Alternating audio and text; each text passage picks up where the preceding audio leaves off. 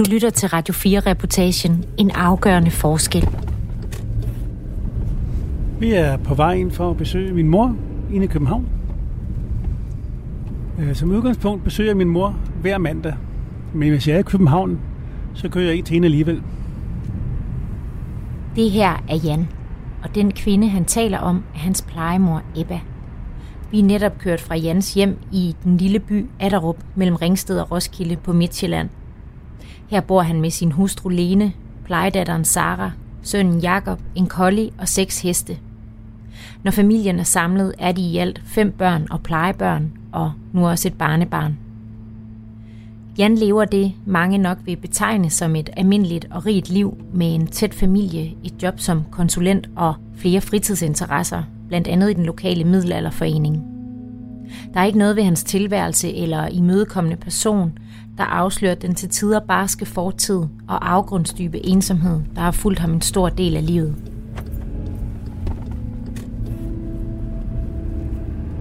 Regnen lurer fra den mørke himmel, da vi forlader den gamle hesteejendom med de fem tynder land. Og Jan kigger efter tænksomt ud på vejen, der de næste 50 km skal lede ham hjem til Ebba.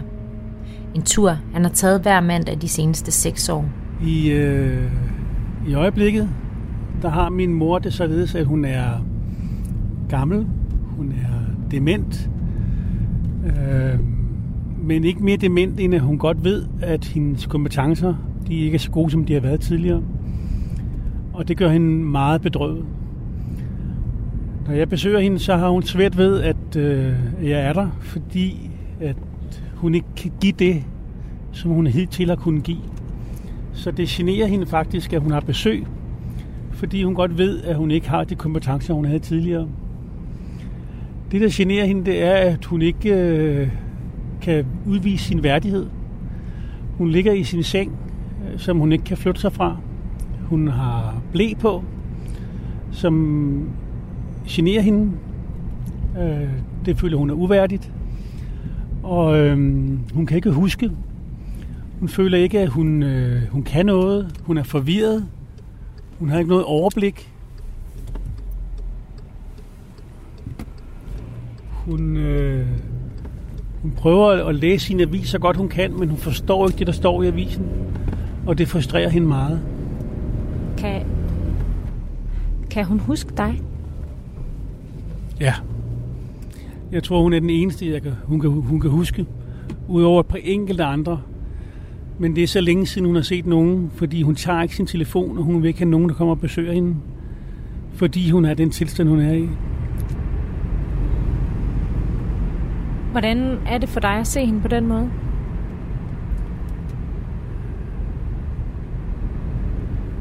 Det er...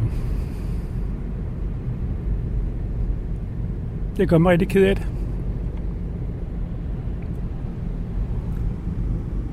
Hvorfor? Fordi hun er min mor. Fordi jeg elsker hende, fordi hun, hun, øh, hun betyder, at jeg har det liv, jeg har i dag. At jeg har den værdi, jeg har i dag. At jeg er, at jeg er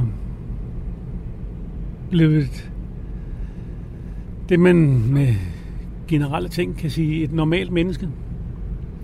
At jeg er i stand til at have et normalt arbejde. At jeg er i stand til at have et, et liv i kærlighed og omsorg. At jeg er i stand til at kunne give mine børn omsorg. At kunne viderebringe hendes værdier til mine børn. Og at vide, det er de rigtige. Det betyder hun for mig.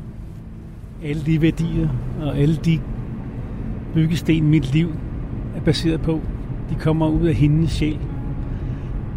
Det arbejde, hun lagde i mig, i, i mig, da jeg var en dreng, som manglede alt, det bor i mig den dag i dag. Det, øh, det er uvurderligt. Hun betyder alt.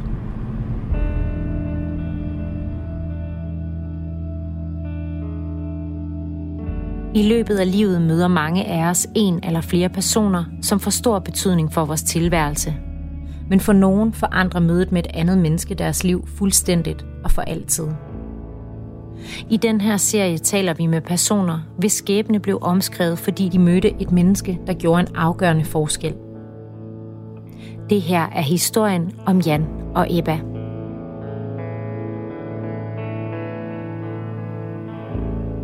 Jeg hedder Jan Laversen, og øh, jeg er født i København på Rigshospitalet øh, i 1962. Øh, jeg ved, det var den 17. i 4., og jeg blev født om eftermiddagen, jeg ved, at øh, fødslen har taget omkring 10 timer, og at jeg blev født normalt. Jeg ved, at øh, jeg var sammen med min mor i omkring 6 dage på sygehuset. Det regner jeg med, det står i hvert fald i min journal, at jeg var på sygehuset i 6 dage og jeg derefter blev overført til øh, spædbørnehjemmet Sølund, som ligger umiddelbart i nærheden af, af Rigshospitalet, eller som det dengang hed Blejdomsvejens Hospital. Og der bor jeg de næste fire år med skiftende mellemrum. Jan er en af de tusindvis af danskere, der som barn har været på børnehjem og lignende institutioner. I 60'erne og årtierne op til var det herhjemme mere udbredt at anbringe børn i kortere eller længere perioder – Ofte fordi forældrene ikke havde mulighed for at forsørge dem, eller fordi de ikke evnede at tage sig af et barn. Øh, jeg ved om mine forældre, at min mor var damefrisørelev, øh, og hun boede hos sin far og mor i Rysgade. Jeg tror ikke, hun havde et ret godt forhold til sin mor. Øh, det er i hvert fald, hvad jeg har fået at vide. Øh, min far, han var noget ældre end hende. Han var et par 20, da jeg blev født. Øh, og hvor han boede, han ved jeg faktisk ikke. Jeg tror, han, han sejler, eller han, han sejlede med, ja, med nogle skibe. Jeg ved ikke, hvorfor nogle skibe. Handelsflåden. Og jeg ved, at de var sammen i omkring 14 dage. Han var i havn, og de mødte hinanden på hovedbanegården, og at de boede i Nyhavn 17 i de 14 dage, de kendte hinanden, eller i hvert fald var sammen. Og øh, jeg var, blev undfanget der på det hotel, der hed Kong Hans, tror jeg det hed på Nyhavn 17 dengang. Det var, hvad de lavede dengang. Så ved jeg så senere, senere hen, at min mor, øh, hun blev det, man kaldte for en letlevende pige. Hun arbejdede dels ved prostitution, og dels ved at øh, arbejde i bar og, og kan man sige, forfaldende arbejde. Hun sejlede også øh, i nogle år på i handelsflåden. Jeg ved ikke, hvad man laver andet end, hun kunne måske gøre det rent, det ved jeg ikke. Det kan jeg se i mine journaler, der er nævnt omkring det. Øh, min far, han øh, besøgte mig på, øh, på spædbørnhjemmet i starten, og viste faktisk interesse for at få mig hjem. Men pludselig så holdt besøgene op. Øh, og der har jeg senere kunne finde ud af, at det var fordi han kom i fængsel. Fordi han, øh, han havde været med til nogle ret voldsomme øh, kriminelle ting i, øh, i Jylland, hvor de var blevet taget på færgen på vej tilbage. Og øh, efter han blev taget der i Jylland, så sad han mange år i fængsel. Og øh, det gjorde så, at han ikke besøgte mig, og så gled hans forhold til mig ud på den måde der. Øh, jeg har senere haft kontakt med ham, øh, det er faktisk ikke ret mange år siden, øh, hvor han fortalte mig om, om hans kriminelle karriere, som nok var hans karriere, øh, og hvad han havde lavet, og at han havde været både Alfons og haft sin egen rulleforretning i København, og at han, han, han prallede meget med alle de der øh, kriminelle ting, han havde lavet omkring, hvad han havde stjålet og sådan ting. Så det er ret svært ved at håndtere. Og det var faktisk ked af, at han gjorde, fordi det gjorde så også, at jeg ikke øh, ville have, at han skulle se mine børn. Fordi jeg ville ikke have, at mine børn skulle, øh, skulle opleve en mand, der sad og pralede med sådan nogle ting.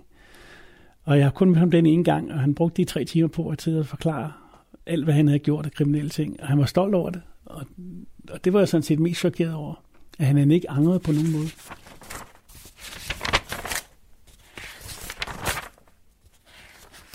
Den journal, jeg har fra, fra Sølund, det er en patientjournal. Det er øh, håndskrevne noter øh, fra det plejepersonale, som har haft sin omgang med mig. Det er typisk, øh, hvad jeg får medicin, hvordan jeg er blevet passet. Øh, jeg bliver betegnet som patienten øh, af de fleste.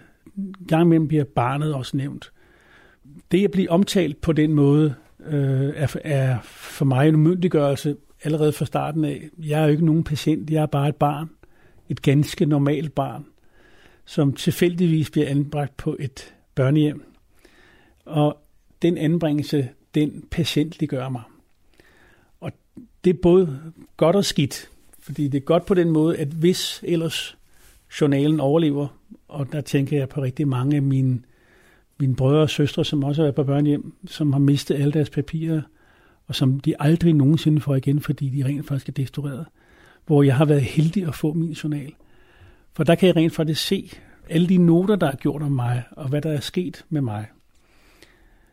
Det kedelige er så, at jeg ud af de noter kan læse de svigt, jeg har været udsat for. En af de ting, som, som skærer mig mest i hjertet, det er, at jeg er knap et år gammel, bliver betegnet som døv. Fordi personalet ikke kan komme i kontakt med mig. Øh, jeg ser lige engang, jeg har den her. Og det er fra den 5. i 2. 1963. Der er opstået tvivl om, hvorvidt patienten kan høre, i, i det han ikke synes at reagere normalt på tale med videre. Man undersøger derfor her barnets eventuelle reaktion på kraftig støj. Kraftig støj øh, frembagt, og der er sandsynligvis for begge ører. Patienten fremkalder ingen som helst reaktion.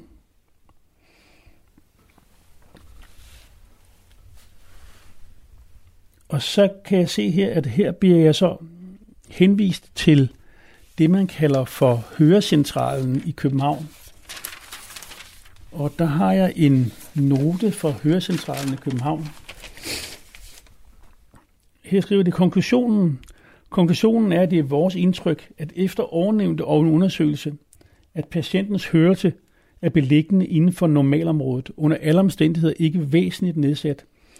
Der har muligvis været nedsat hørelse i tilslutning til en halsinfektion, der har været, men den er nu hævet. Så kan jeg læse i min journal, at jeg kommer på et sanatorium og har været øh, på sanatoriet øh, i et stykke tid, og i 1963, der er man fortsat i tvivl om, jeg har en hørenedsættelse. Det står der her.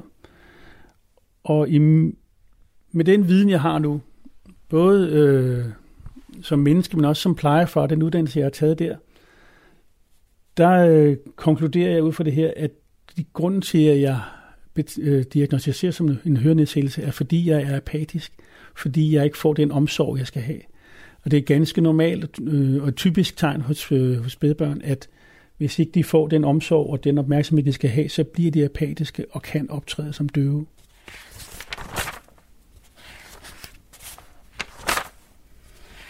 Når jeg læser min journal, at plejepersonalet opfatter mig som døv,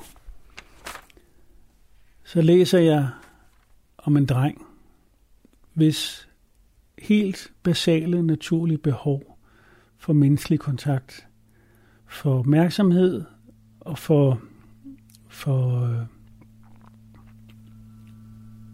for at blive set og hørt, den, ud, den er udblevet. Der har været så mange mennesker forbi den dreng, som, som har passet drengen og sandsynligvis haft ham på skødet, men som ikke har kigget på ham.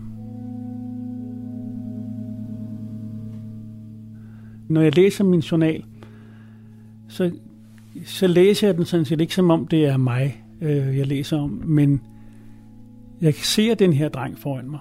Og det er nok det, der kan skære mig mest i hjertet, det er, at, at når jeg hører om den her dreng, og nu kender jeg ham jo rigtig godt, så får jeg lyst til at tage ham og holde om ham og fortælle ham, at, at øh, han har mig.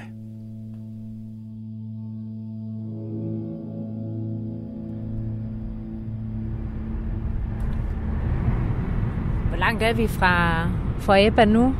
Sådan cirka? 35 minutter. Hvordan, øh, hvordan har du det, når du tager den her tur øh, mod hende? Jamen, jeg tror, at alle mennesker, der har en gammel eller en, de skal besøge, det er bare noget, man gør. Det er bare noget, der hører til, og, og, og at, at og jeg glæder mig selvfølgelig til at komme ind til hende, og, og tænker selvfølgelig over, hvordan hun har det, når jeg kommer ind til hende, for det er så svingende, hvordan jeg møder mor. Nogle dage, når jeg møder, kommer ind til mor, så ligger hun og sover. Og øh, jeg sidder lidt hos hende i kvarters tid, 20 minutter, for at se, om hun vågner. Og det gør hun sådan nogle gange, ikke? Og så lægger jeg en hånd på hendes arm, og så åbner hun øjnene lidt, og så kan jeg sige, ad, om hun har brug for at sove mere. Og hvis hun er langt væk, så jeg lader jeg hende sove. Men mor har sin avis. Mor har altid abonneret på politikken, og det gør hun stadigvæk. Og den er en meget vigtigt holdpunkt for hende, og den ligger altid på hendes mave, når jeg kommer. Og der snakker vi om, hvad der står i avisen, og hun læser lidt op af, hvad der står. Og så spørger hun ind til, hvad det er, det drejer sig om, for hun forstår ikke, hvad det er, der står i avisen. Og så sørger jeg for at sortere avisen, så det er, den ligger rigtigt. Så har hun det trygt. Så ved hun, den er i orden. Og så sidder jeg hos hende. Og så snakker jeg lidt omkring, hvordan vi har det derhjemme, og hvordan børnene har det. Hun er meget interesseret i at høre, hvordan vores plejedatter, Sara, har det. Det er hendes omsorgsgen, tror jeg, der træder i kraft, som stadigvæk lyser igennem. Og øh, hun har også fået et lille barnebarn. Faktisk er hun blevet oldemor her for et års tid siden. Og det har jeg snakket lidt med hende om. Men det har hun svært ved at forholde sig til. Og jeg har vist hende billeder, og jeg har hende billeder op på væggen af hendes lille oldebarn. Men øh, når jeg tager dem ned og spørger til det næste gang han kommer, så kan hun ikke huske, hvem det er.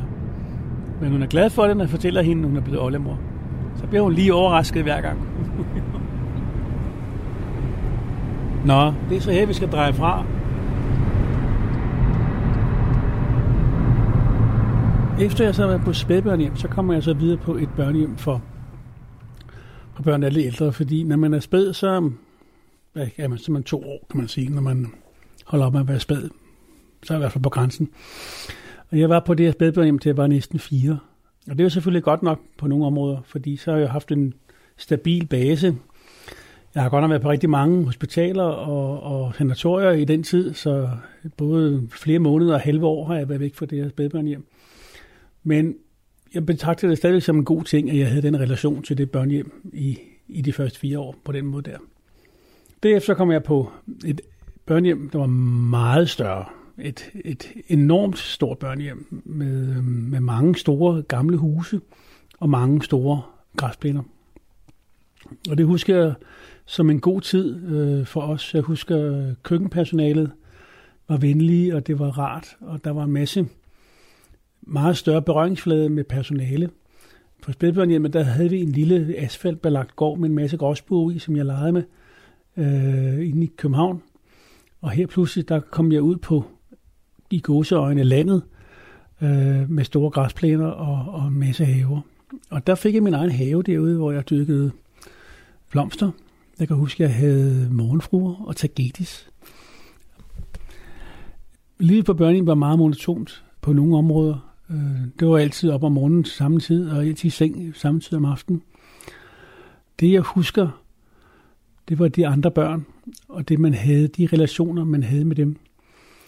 Og jeg husker også et eller andet sted, at jeg var, jeg var velanset blandt de andre børn på den måde, at jeg var ligeglad.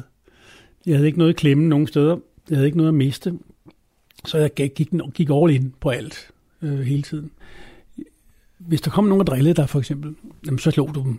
Og selvom de, de var større end dig. Og hvis du så fik bank, så, øh, så husker du, at du får bank, og så fandt du en anden dag, hvor du kunne give dem bare det i hovedet, eller, eller skal en sten efter dem. Øh, så de lærte, at det gjorde altså ondt at slå dig, selvom du var mindre end dem. Fordi jeg havde ikke noget at miste. Øh, øh der står også i min journal, at når de store de slår mig, så, så griner jeg bare. Så der var ikke nogen, jeg skulle passe på, eller passe, der ville der passe på mig, som jeg kunne, løbe, jeg kunne løbe hen til. Jeg passede på mig selv. Og samtidig så tror jeg også, at bare det at få opmærksomhed, altså at nogen gav bank mig, altså, eller slå på mig, det var opmærksomhed, og al opmærksomhed, det var okay for mig, fordi der var ikke nogen, der gav mig opmærksomhed af sig selv. Jeg, jeg var ikke for nogen den eneste i verden, eller den bedste, eller den mest underlige, eller den dejligste dreng af alle. Jeg var bare mig. Og det er sådan, jeg ved ikke, om det kommer til at lyde patetisk eller et eller andet nu, men den, jeg tror sådan set, det er meget øh, basalt, det er, at, at når du er et normalt barn, jamen, så bliver du sendt ud at lege øh, til klokken, til klokken den er mørk om aftenen, og så skal du ellers være inde, og så er der spistid, og, og, og i, hjemmetid sammen med, med dine forældre, og så er det puttetid, og så bliver du puttet, og så ligger du der i din seng øh, og, og kan høre de voksne gå på den side af pusle og vide, at du ligger der, at de passer på dig, at du er deres eneste i hele verden. Og, de vil aldrig nogensinde øh, have nogen, nogen rør dig. Sådan var det ikke med mig. Der var ikke nogen voksne, der passede på mig, eller jeg skulle gøre, hvad der blev sagt, og så skulle jeg ellers øh, ligge i min seng om aftenen. Men der var ikke nogen, der kom og sad på min sengkant og strømmer over øh, kinden med, en, med en, en hånd og kiggede mig i øjnene og fortalte mig, at jeg var det mest vidunderlige, der nogensinde var sket i deres liv. Det er der andre børn, der heller ikke har oplevet. Så det, der skiller jeg mig ikke så meget ud. Men bare lige for at fortælle, at, at øh, grunden til, at jeg opførte mig, som jeg gjorde dengang, det var fordi, at, at den opmærksomhed fik jeg ikke. Der var ikke nogen, overhovedet ingen, der, der var mine.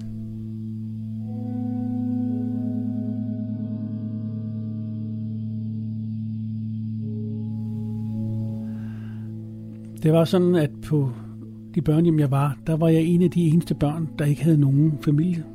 Alle de andre børn havde en familie at komme hjem til. Så i alle ferier, og juleaften og påskeferier og sådan nogle ting, der har jeg været alene på børnehjemmet. Og der kan jeg se i mine journaler også, at de er lidt frustreret, fordi jeg ved ikke, hvad de skal gøre. På børnehjemmet, der boede i hvert fald dengang, der boede typisk forstanderen, og de afdelingsledere, de havde en tjenestebolig på børnehjemmet. Så, og hvis der var et barn, der var tilbage på børnehjemmet, så må de jo tage sig af det barn.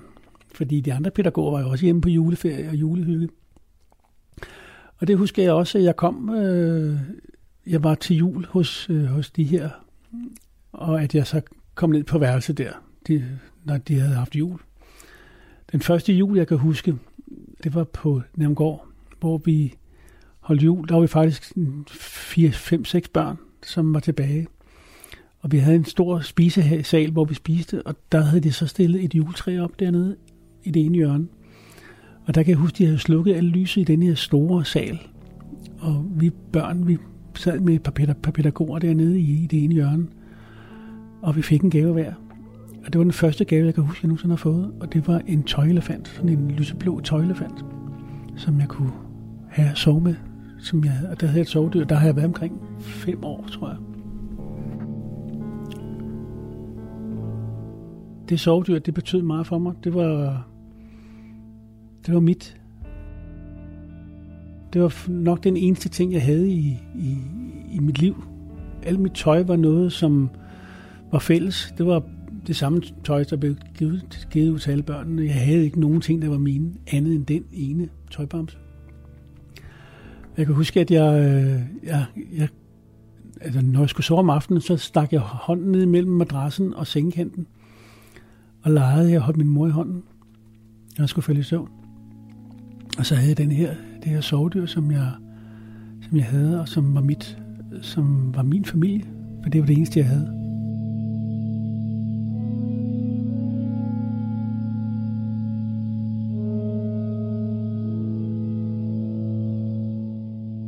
Det var relativt tit, der kom nogen og, og gerne ville have et plejebarn eller et barn i aflastning eller et eller andet. Og der kan jeg huske, at vi fik øh, fint tøj på, os der var kandidater. Og så blev vi stillet op på gangen. Der var sådan en svalegang. Øh, så, man kunne, så der stod vi så deroppe, og jeg kan huske, at vi fik blev gjort helt ren og skrubbet og fik vandkæmmet håret, og så kan jeg huske, at vi fik skubbet neglene, altså månerne på neglene, fik vi skubbet tilbage. Det var meget vigtigt. Jeg kan huske, det gjorde ondt, når de stod og skubbede de her måner frem. Så man havde fine hænder også. Og så stod man der til skue for, om, om man, man var egnet, eller man blev valgt.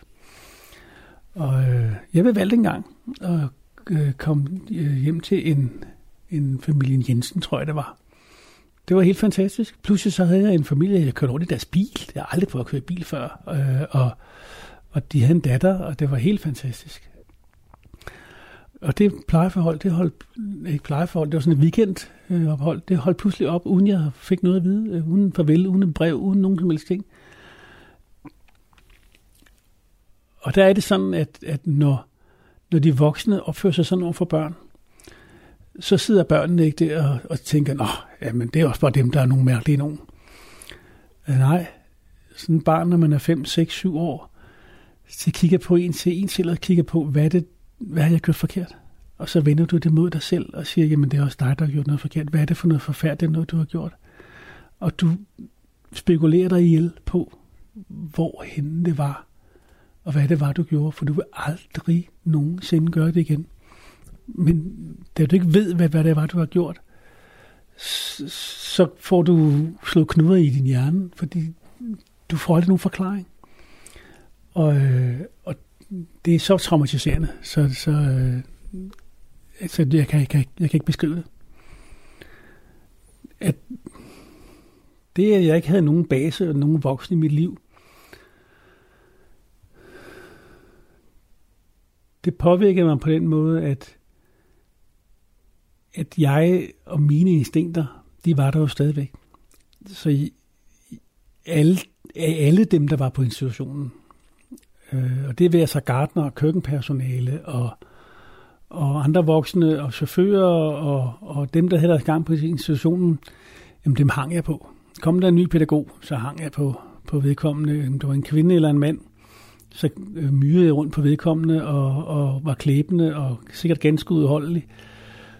Og i den kontekst vil jeg sige, at alle, som jeg mødte som voksne, som var voksne, de ville blive spurgt, om de ville være min far eller min mor.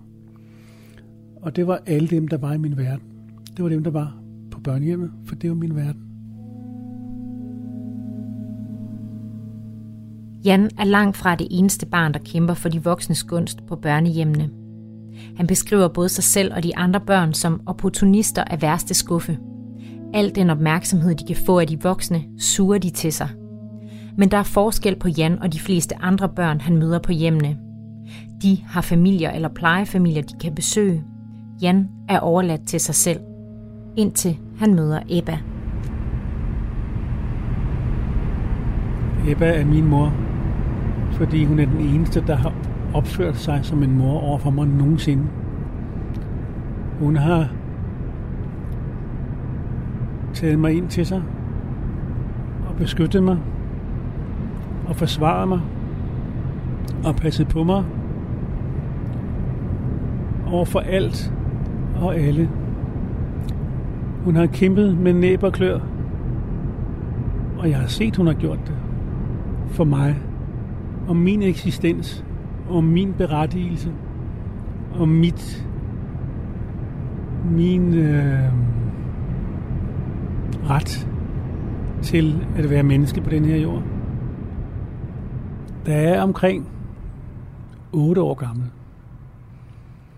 der møder jeg for første gang den kvinde, der skal være min mor for mit liv. Og det gør jeg efter jeg har været på sammenlagt 10 forskellige institutioner. I sensommeren 1970, der møder Ebba for første gang. Ebba blev min plejemor, og øh, hun kommer ind i mit liv af to årsager. Jeg har brug for hende, og hun har brug for mig. Det er jo det perfekte match, når man har brug for hinanden. Og vi kommer ind i hinandens liv ved, at hun... Det er tilfældighederne, jeg tror det ikke. Det må have været en eller anden engel. Selvom jeg ikke tror på sådan noget, og jeg ikke tror på spøgelser eller på karma og sådan noget, så kan jeg godt lege med tanken alligevel. Fordi hun har en veninde, der hedder Gudrun. Og øh, de sidder og snakker sammen, og Gudrun ved godt, at, at mor har forsøgt at få et barn i mange år. Hun har søgt mange steder.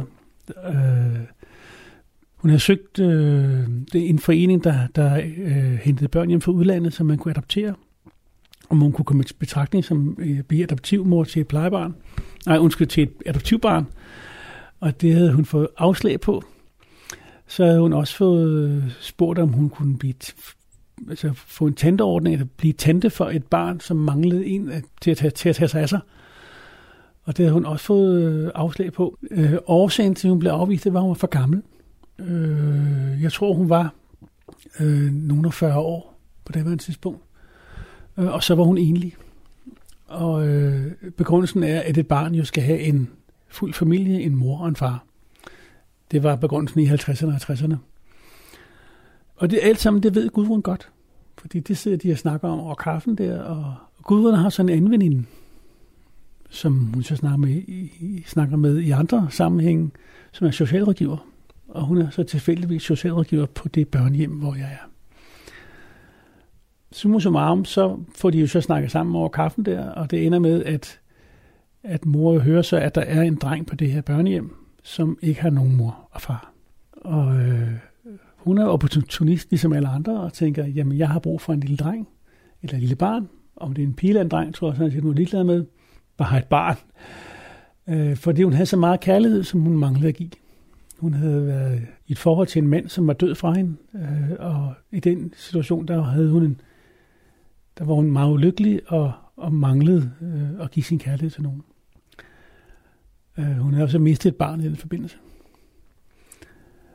Og den kontakt, som, som Gudrun har til henholdsvis min øh, til Ebba og til, øh, til hendes veninde, der er socialrådgiver, den vil virke, at socialrådgiveren præsenterer en idé øh, på børnehjemmet. Og det gør hun jo selvfølgelig, fordi man på børnehjemmet nu mener, at det er meget vigtigt, at jeg kommer i et plejeforhold. Øh, en af årsagerne er, at de primære kontaktpersoner, jeg har på børnehjemmet, de stopper til årsskiftet.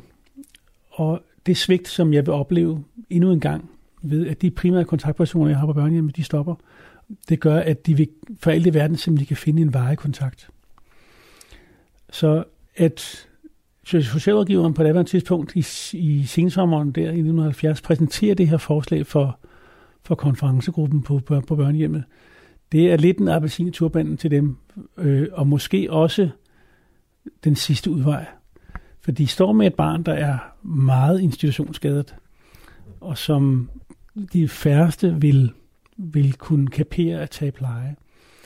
Øh, de står med et barn, som overhovedet på ingen måde vil kunne give noget som helst i rigtig mange år øh, i et forhold, men vil være meget krævende i rigtig mange år, inden at han selv vil kunne, kunne give noget tilbage, hvis det kommer til at ske nogensinde.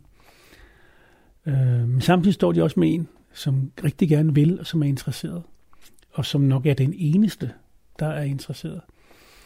Men dilemmaet står så også på, at, at hun er enlig, og at hun er blevet afvist som øh, plejemor øh, relativt få år forinden. Men det så agtet, så siger de, vi giver det en chance. Så øh, de inviterer Ebba ud på, på børnehjemmet til øh, at møde mig første gang. Og det sker i, i sensommeren 1970. Og det bliver kaldet ved første blik.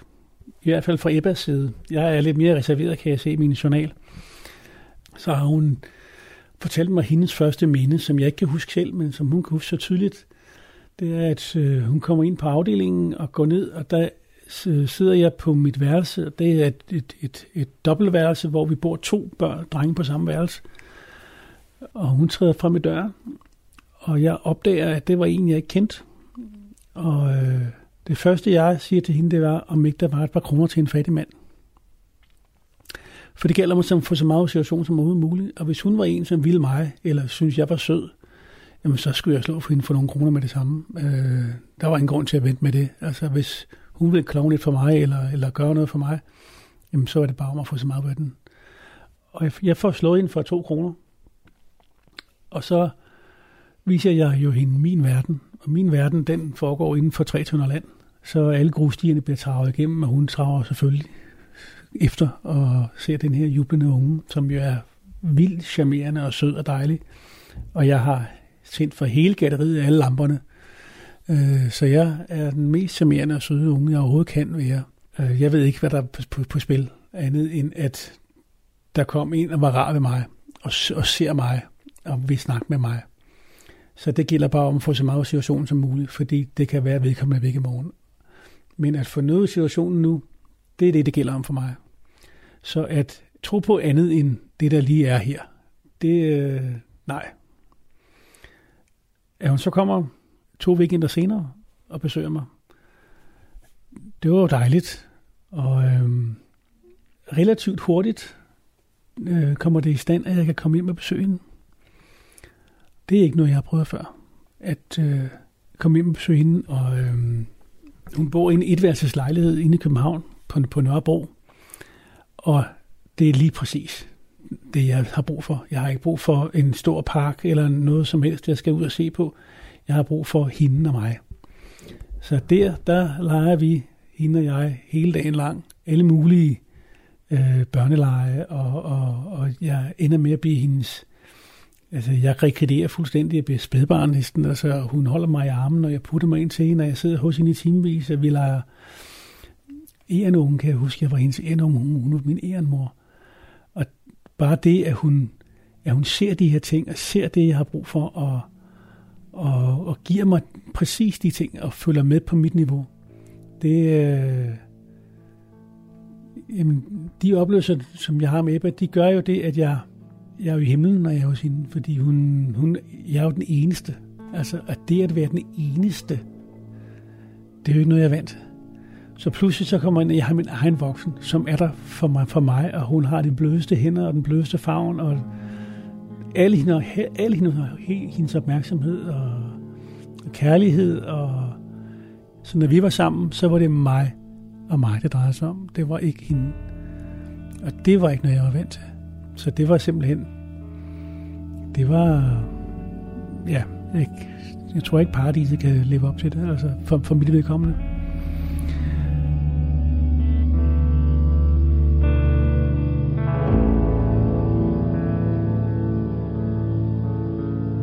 Jan når kun at besøge Ebba tre eller fire weekender, før børnehjemmet spørger Ebba, om han kan flytte ind hos hende. Det var en, en overraskelse for hende, tror jeg, at det kom så, så hurtigt. Men hun kunne også godt se øh, i, i grunden og ideen, øh, fordi at jeg ikke skulle gennemleve de her svigte en gang til. Øh, men hun var selv bange for, at det, ikke, det ikke ville gå. Og så var der lige en sidste hage, det var, at børnehjemmet ikke havde taget børneværnet i ed i deres plan.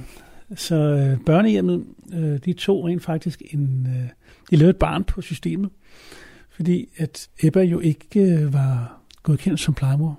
De havde netop afvist hende som plejemor, og nu stod det der og sagde, at jamen, den eneste relation, den dreng har, en, som rent faktisk skal bruges til noget, det er den relation, at han har til hende. Så I bliver nødt til at tage hende. Og, øh, og mor har, har fortalt mig, at den eskalerede helt op til øh, direktørens bord, før at nogen ville tage en beslutning, fordi alle de ansvarsfraskøjelser, for der var ingen, der troede på det her. Øh, men jeg har i notat, et notat i min journal, øh, hvor der står, at børnehjemmet lover at tage mig tilbage, hvis øh, plejeforholdet det ikke øh, holder. Og øh, takket være hendes stedighed og kærlighed, så lykkedes det jo så. Det kan vi jo se i dag. Øh, kort vil jeg lige beskrive, hvad, hvad det var, Ebba gjorde, inden jeg flyttede hjem. For hun kom fra en etværelses på Nørrebro, hvor alle var enige om, at der kunne man ikke have et plejebarn. Så der skulle i Hudhej etableres en større lejlighed på Ydre Østerbro, hvor vi flyttede ud i en stor øh, øh, lejlighed i et nybyggeri. Og jeg fik min eget værelse, og der blev købt ind af det hele, og alt var klart. Ikke til jul, for der kunne det ikke være klart, men den 12. januar 1971, som er mor som min dag, der kom hun og hendes ven ned på børnehjemmet, og jeg stod med min kuffert pakket, og bilen rullede ind, der var sådan noget græs, nej ikke noget græs, nogle, nogle sten, sådan nogle perlesten, for nu skulle jeg hentes. Og jeg kan huske, at da jeg så bilen, der mistede jeg min stemme. Jeg kunne ikke sige noget. Og de stod alle sammen der på, på trappen, og, og jeg skulle sige farvel til dem alle sammen, og jeg kunne ikke sige noget. Og jeg gik uden et ord, og satte mig ind i bilen, og jeg kunne ikke sige noget. Jeg tror, jeg var lidt i chok, fordi at, øh, det, at nogen ville have mig hjem og bo hos dem, noget jeg havde håbet i hele mit liv, pludselig skete. Det, øh, det var ingenting, jeg havde regnet med altså, hvad jeg havde oplevet svigt og, og, og halvhjertet forsøg på noget som helst igennem i mit liv, til pludselig at stå over for en, der rent faktisk mente, hvad det var, hun sagde. Det var jo for min forstand. Så jeg satte mig bare ind i bilen, og så kørte vi. Den dag husker jeg. Og så kørte vi hjem. Og så fik hun en dreng, som nok var sød i starten, men som var som var en, en nok en større mundfuld, end hun lige havde regnet med. Jeg kan huske, at, at, at jeg gjorde alt, hvad der var i min, i min magt for at udfordre hende, og for at bekæmpe hende, og for at selv sætte dagsordenen i det hjem. Din, din tryghed som barn, den ligger i, i det, du kender.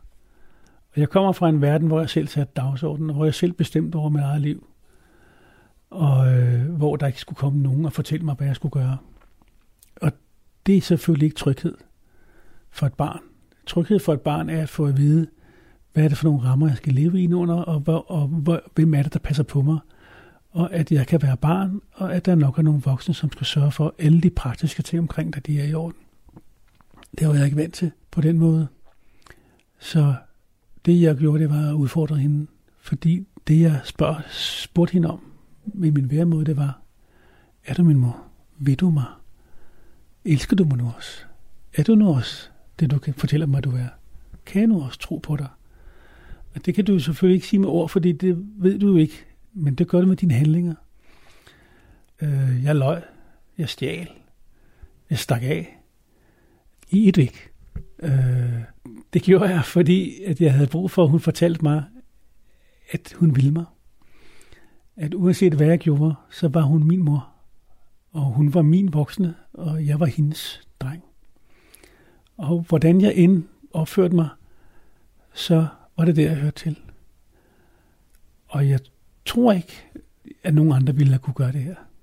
Og det kan godt være, at der er nogen, der sidder derude og siger, ja, det ville de også kunne have gjort. Det er ikke også nok rigtigt nok, men, men i mit liv og i min verden, lige der, hvad jeg udsat hende for, og hendes omgangskreds, og pædagogerne på fritidshjemmet, og skolelærerne på skolen, jamen det var ikke små ting.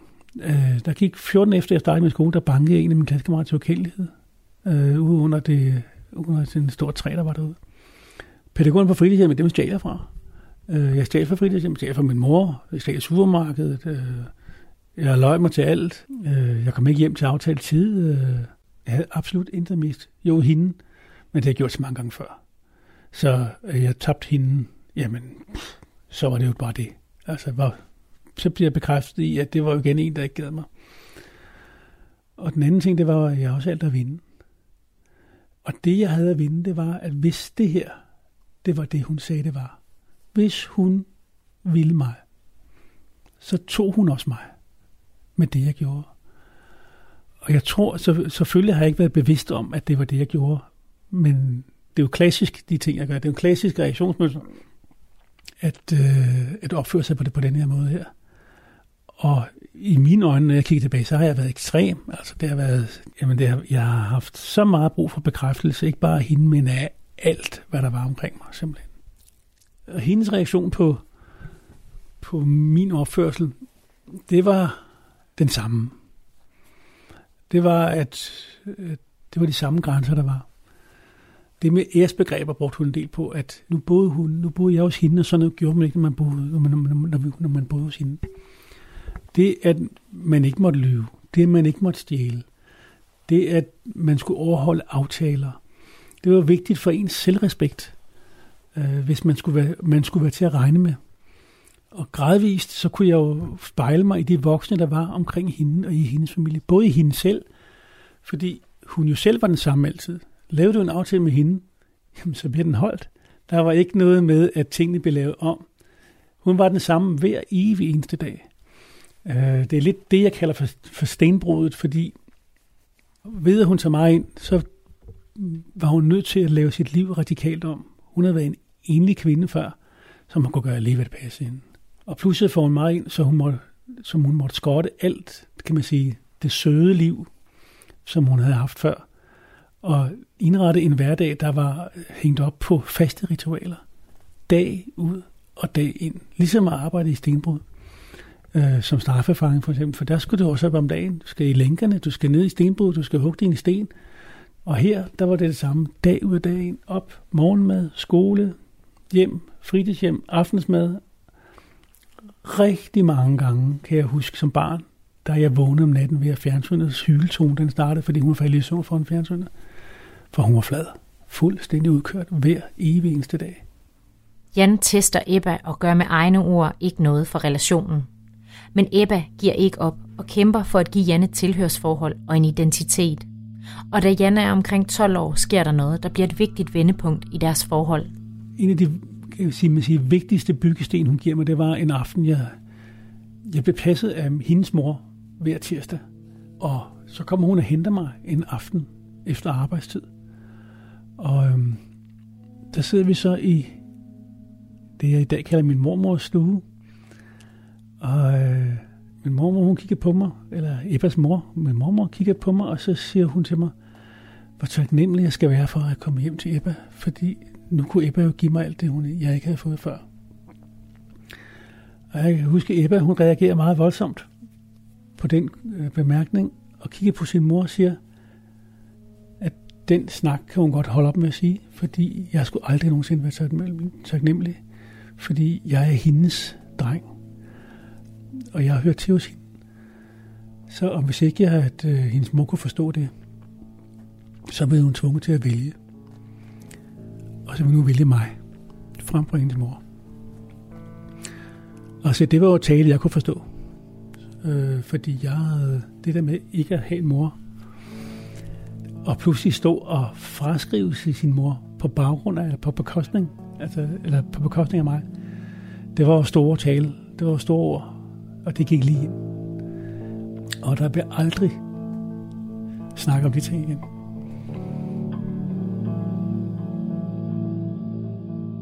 Ebbas stedighed, kærlighed og kamp for at overbevise Jan om, at hun virkelig vil ham, får forholdet til at blomstre, og Jan tilbringer resten af sin barndom og de første ungdomsår hos hende. Men da Jan er 17 år, kan han ikke længere bo hos Ebba. Hun lider nemlig af sygdommen perniciøs anemi og bliver for dårlig til at kunne tage sig af ham. Og samtidig er Jan også begyndt at kæmpe med sin fortid. Jeg er klassisk i den, i den forstand, at, at når du er i sådan en trekantsdrama imellem dig selv din anbringelsessted og din biologiske familie, så opstår der en identitetskrise om, hvem er du, og hvor kommer du fra? Fordi du har en del med fra dig selv og dit biologiske ophold. Øh, du har en vrede med i forhold til den biologiske ophav og ophav, og i forhold til det, du har oplevet i dit tidligere liv. Fordi der er nogle kompetencer, du ikke har, som du er frustreret over. Det, jeg oplever, det er, at jeg har svære kompetencer i forhold til det modsatte køn øh, i forhold til, det er typisk sociale kompetencer, øh, i forhold til mine kammerater. Og det kan godt være, at jeg har dem, men min, min eget selvværd, det, øh, det kunne godt have haft det bedre. Øh, jeg har øh, en god selvtillid, men selvværd er ikke så godt. Og det er sådan en dårlig kombination der. Og typisk så går den vrede ud over dem, som er tættest på dig. Og det er din, du er pleje hos, eller dem, der er din familie. Så når min frustration kommer, så går det ud over min mor. Som 17-årig kommer Jan i pleje hos en anden og ifølge ham god familie. Han bruger de næste mange år på at finde sig selv, finde sit værd og lære at håndtere vreden. Og selvom de ikke længere bor sammen, holder Ebba og Jan kontakten i alle årene. Helt frem til i dag. Hvis du kigger til højre her, så ligger ejendommen der. Og lige derinde, der bor mor. Nu bakker jeg lige hen, og så parkerer jeg her på min faste plads. Ja, og så er det jo sådan, at, øh, at vi har aftalt, at jeg ikke går med ind, ja. fordi at, øh, at Ebba, hun øh, er dement, og, øh, helst, og helst ikke vil have, at folk ser hende ja. øh, i den her tilstand. Ja. Så det, jeg gør nu, det er, at øh, mens du er oppe og besøger hende, så går jeg mig en tur, og så, øh, og så mødes vi bagefter. Det skal være velkommen. Det gør vi bare. Så sender jeg sms, når jeg er klar. Det lyder godt.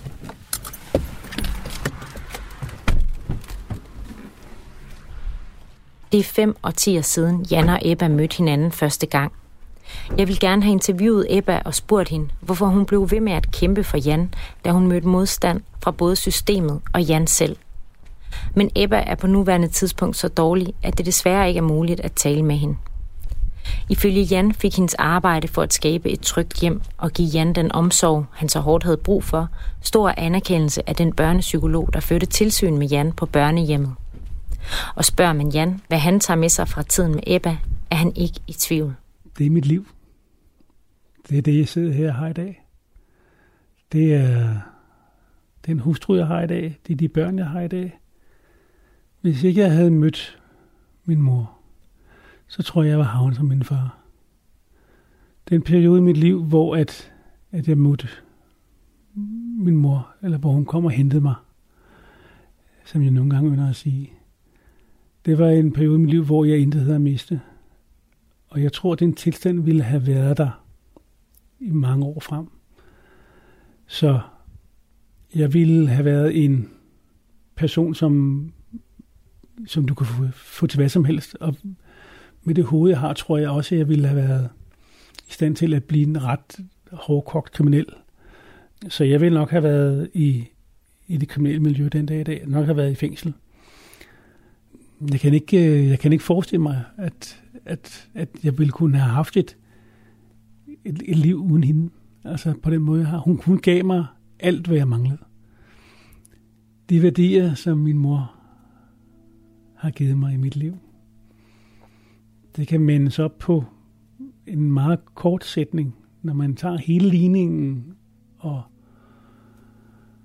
resurserer ud, så der kun er det krystalklare tilbage, så er der to ting, der står tilbage, som er vigtigst i livet. Og det er kærlighed og ærlighed. Når man tager det sidste væk, så er der kun én ting, der er vigtigst, og det er kærligheden. Der er ikke tvivl i min sjæl om, at, at hun er min mor. Det kan godt være, det er en anden en, der har født, født mig, men det er Ebba, der er min mor.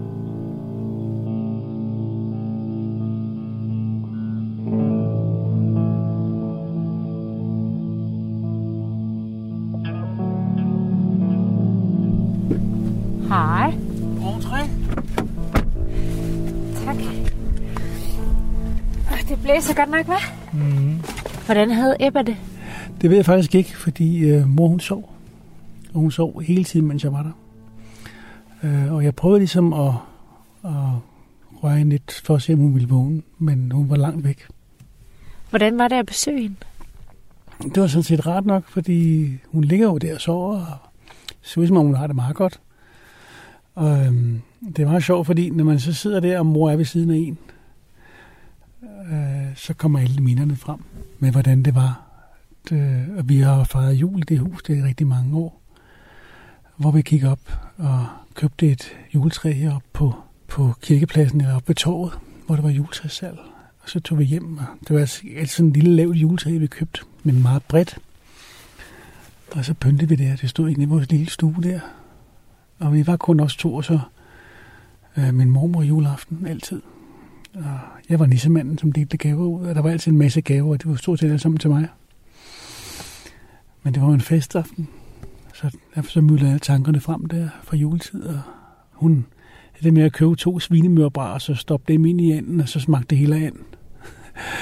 Så det var sådan en ting, vi havde altid. Så der var altid rigeligt kød, som smagte af anden. Og der var sådan nogle faste ritualer, vi havde omkring det. Ja.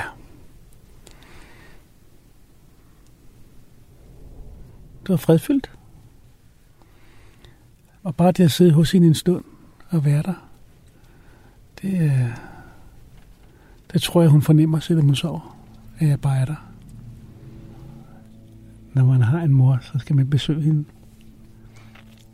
Hun var der dengang, at du var skrøbelig, og ikke kunne passe på dig selv, der passe hun på dig. Og, øh, og det gør man, når man er i familie med hinanden, så passer man på hinanden. Og nu er det mig, der passer på hende. Og kan give hende trygheden og vidsheden om, at, at når nu det er ved at være slut, så er jeg der for hende og passer på hende og sørger for, at tingene de kommer til at, at være rigtige.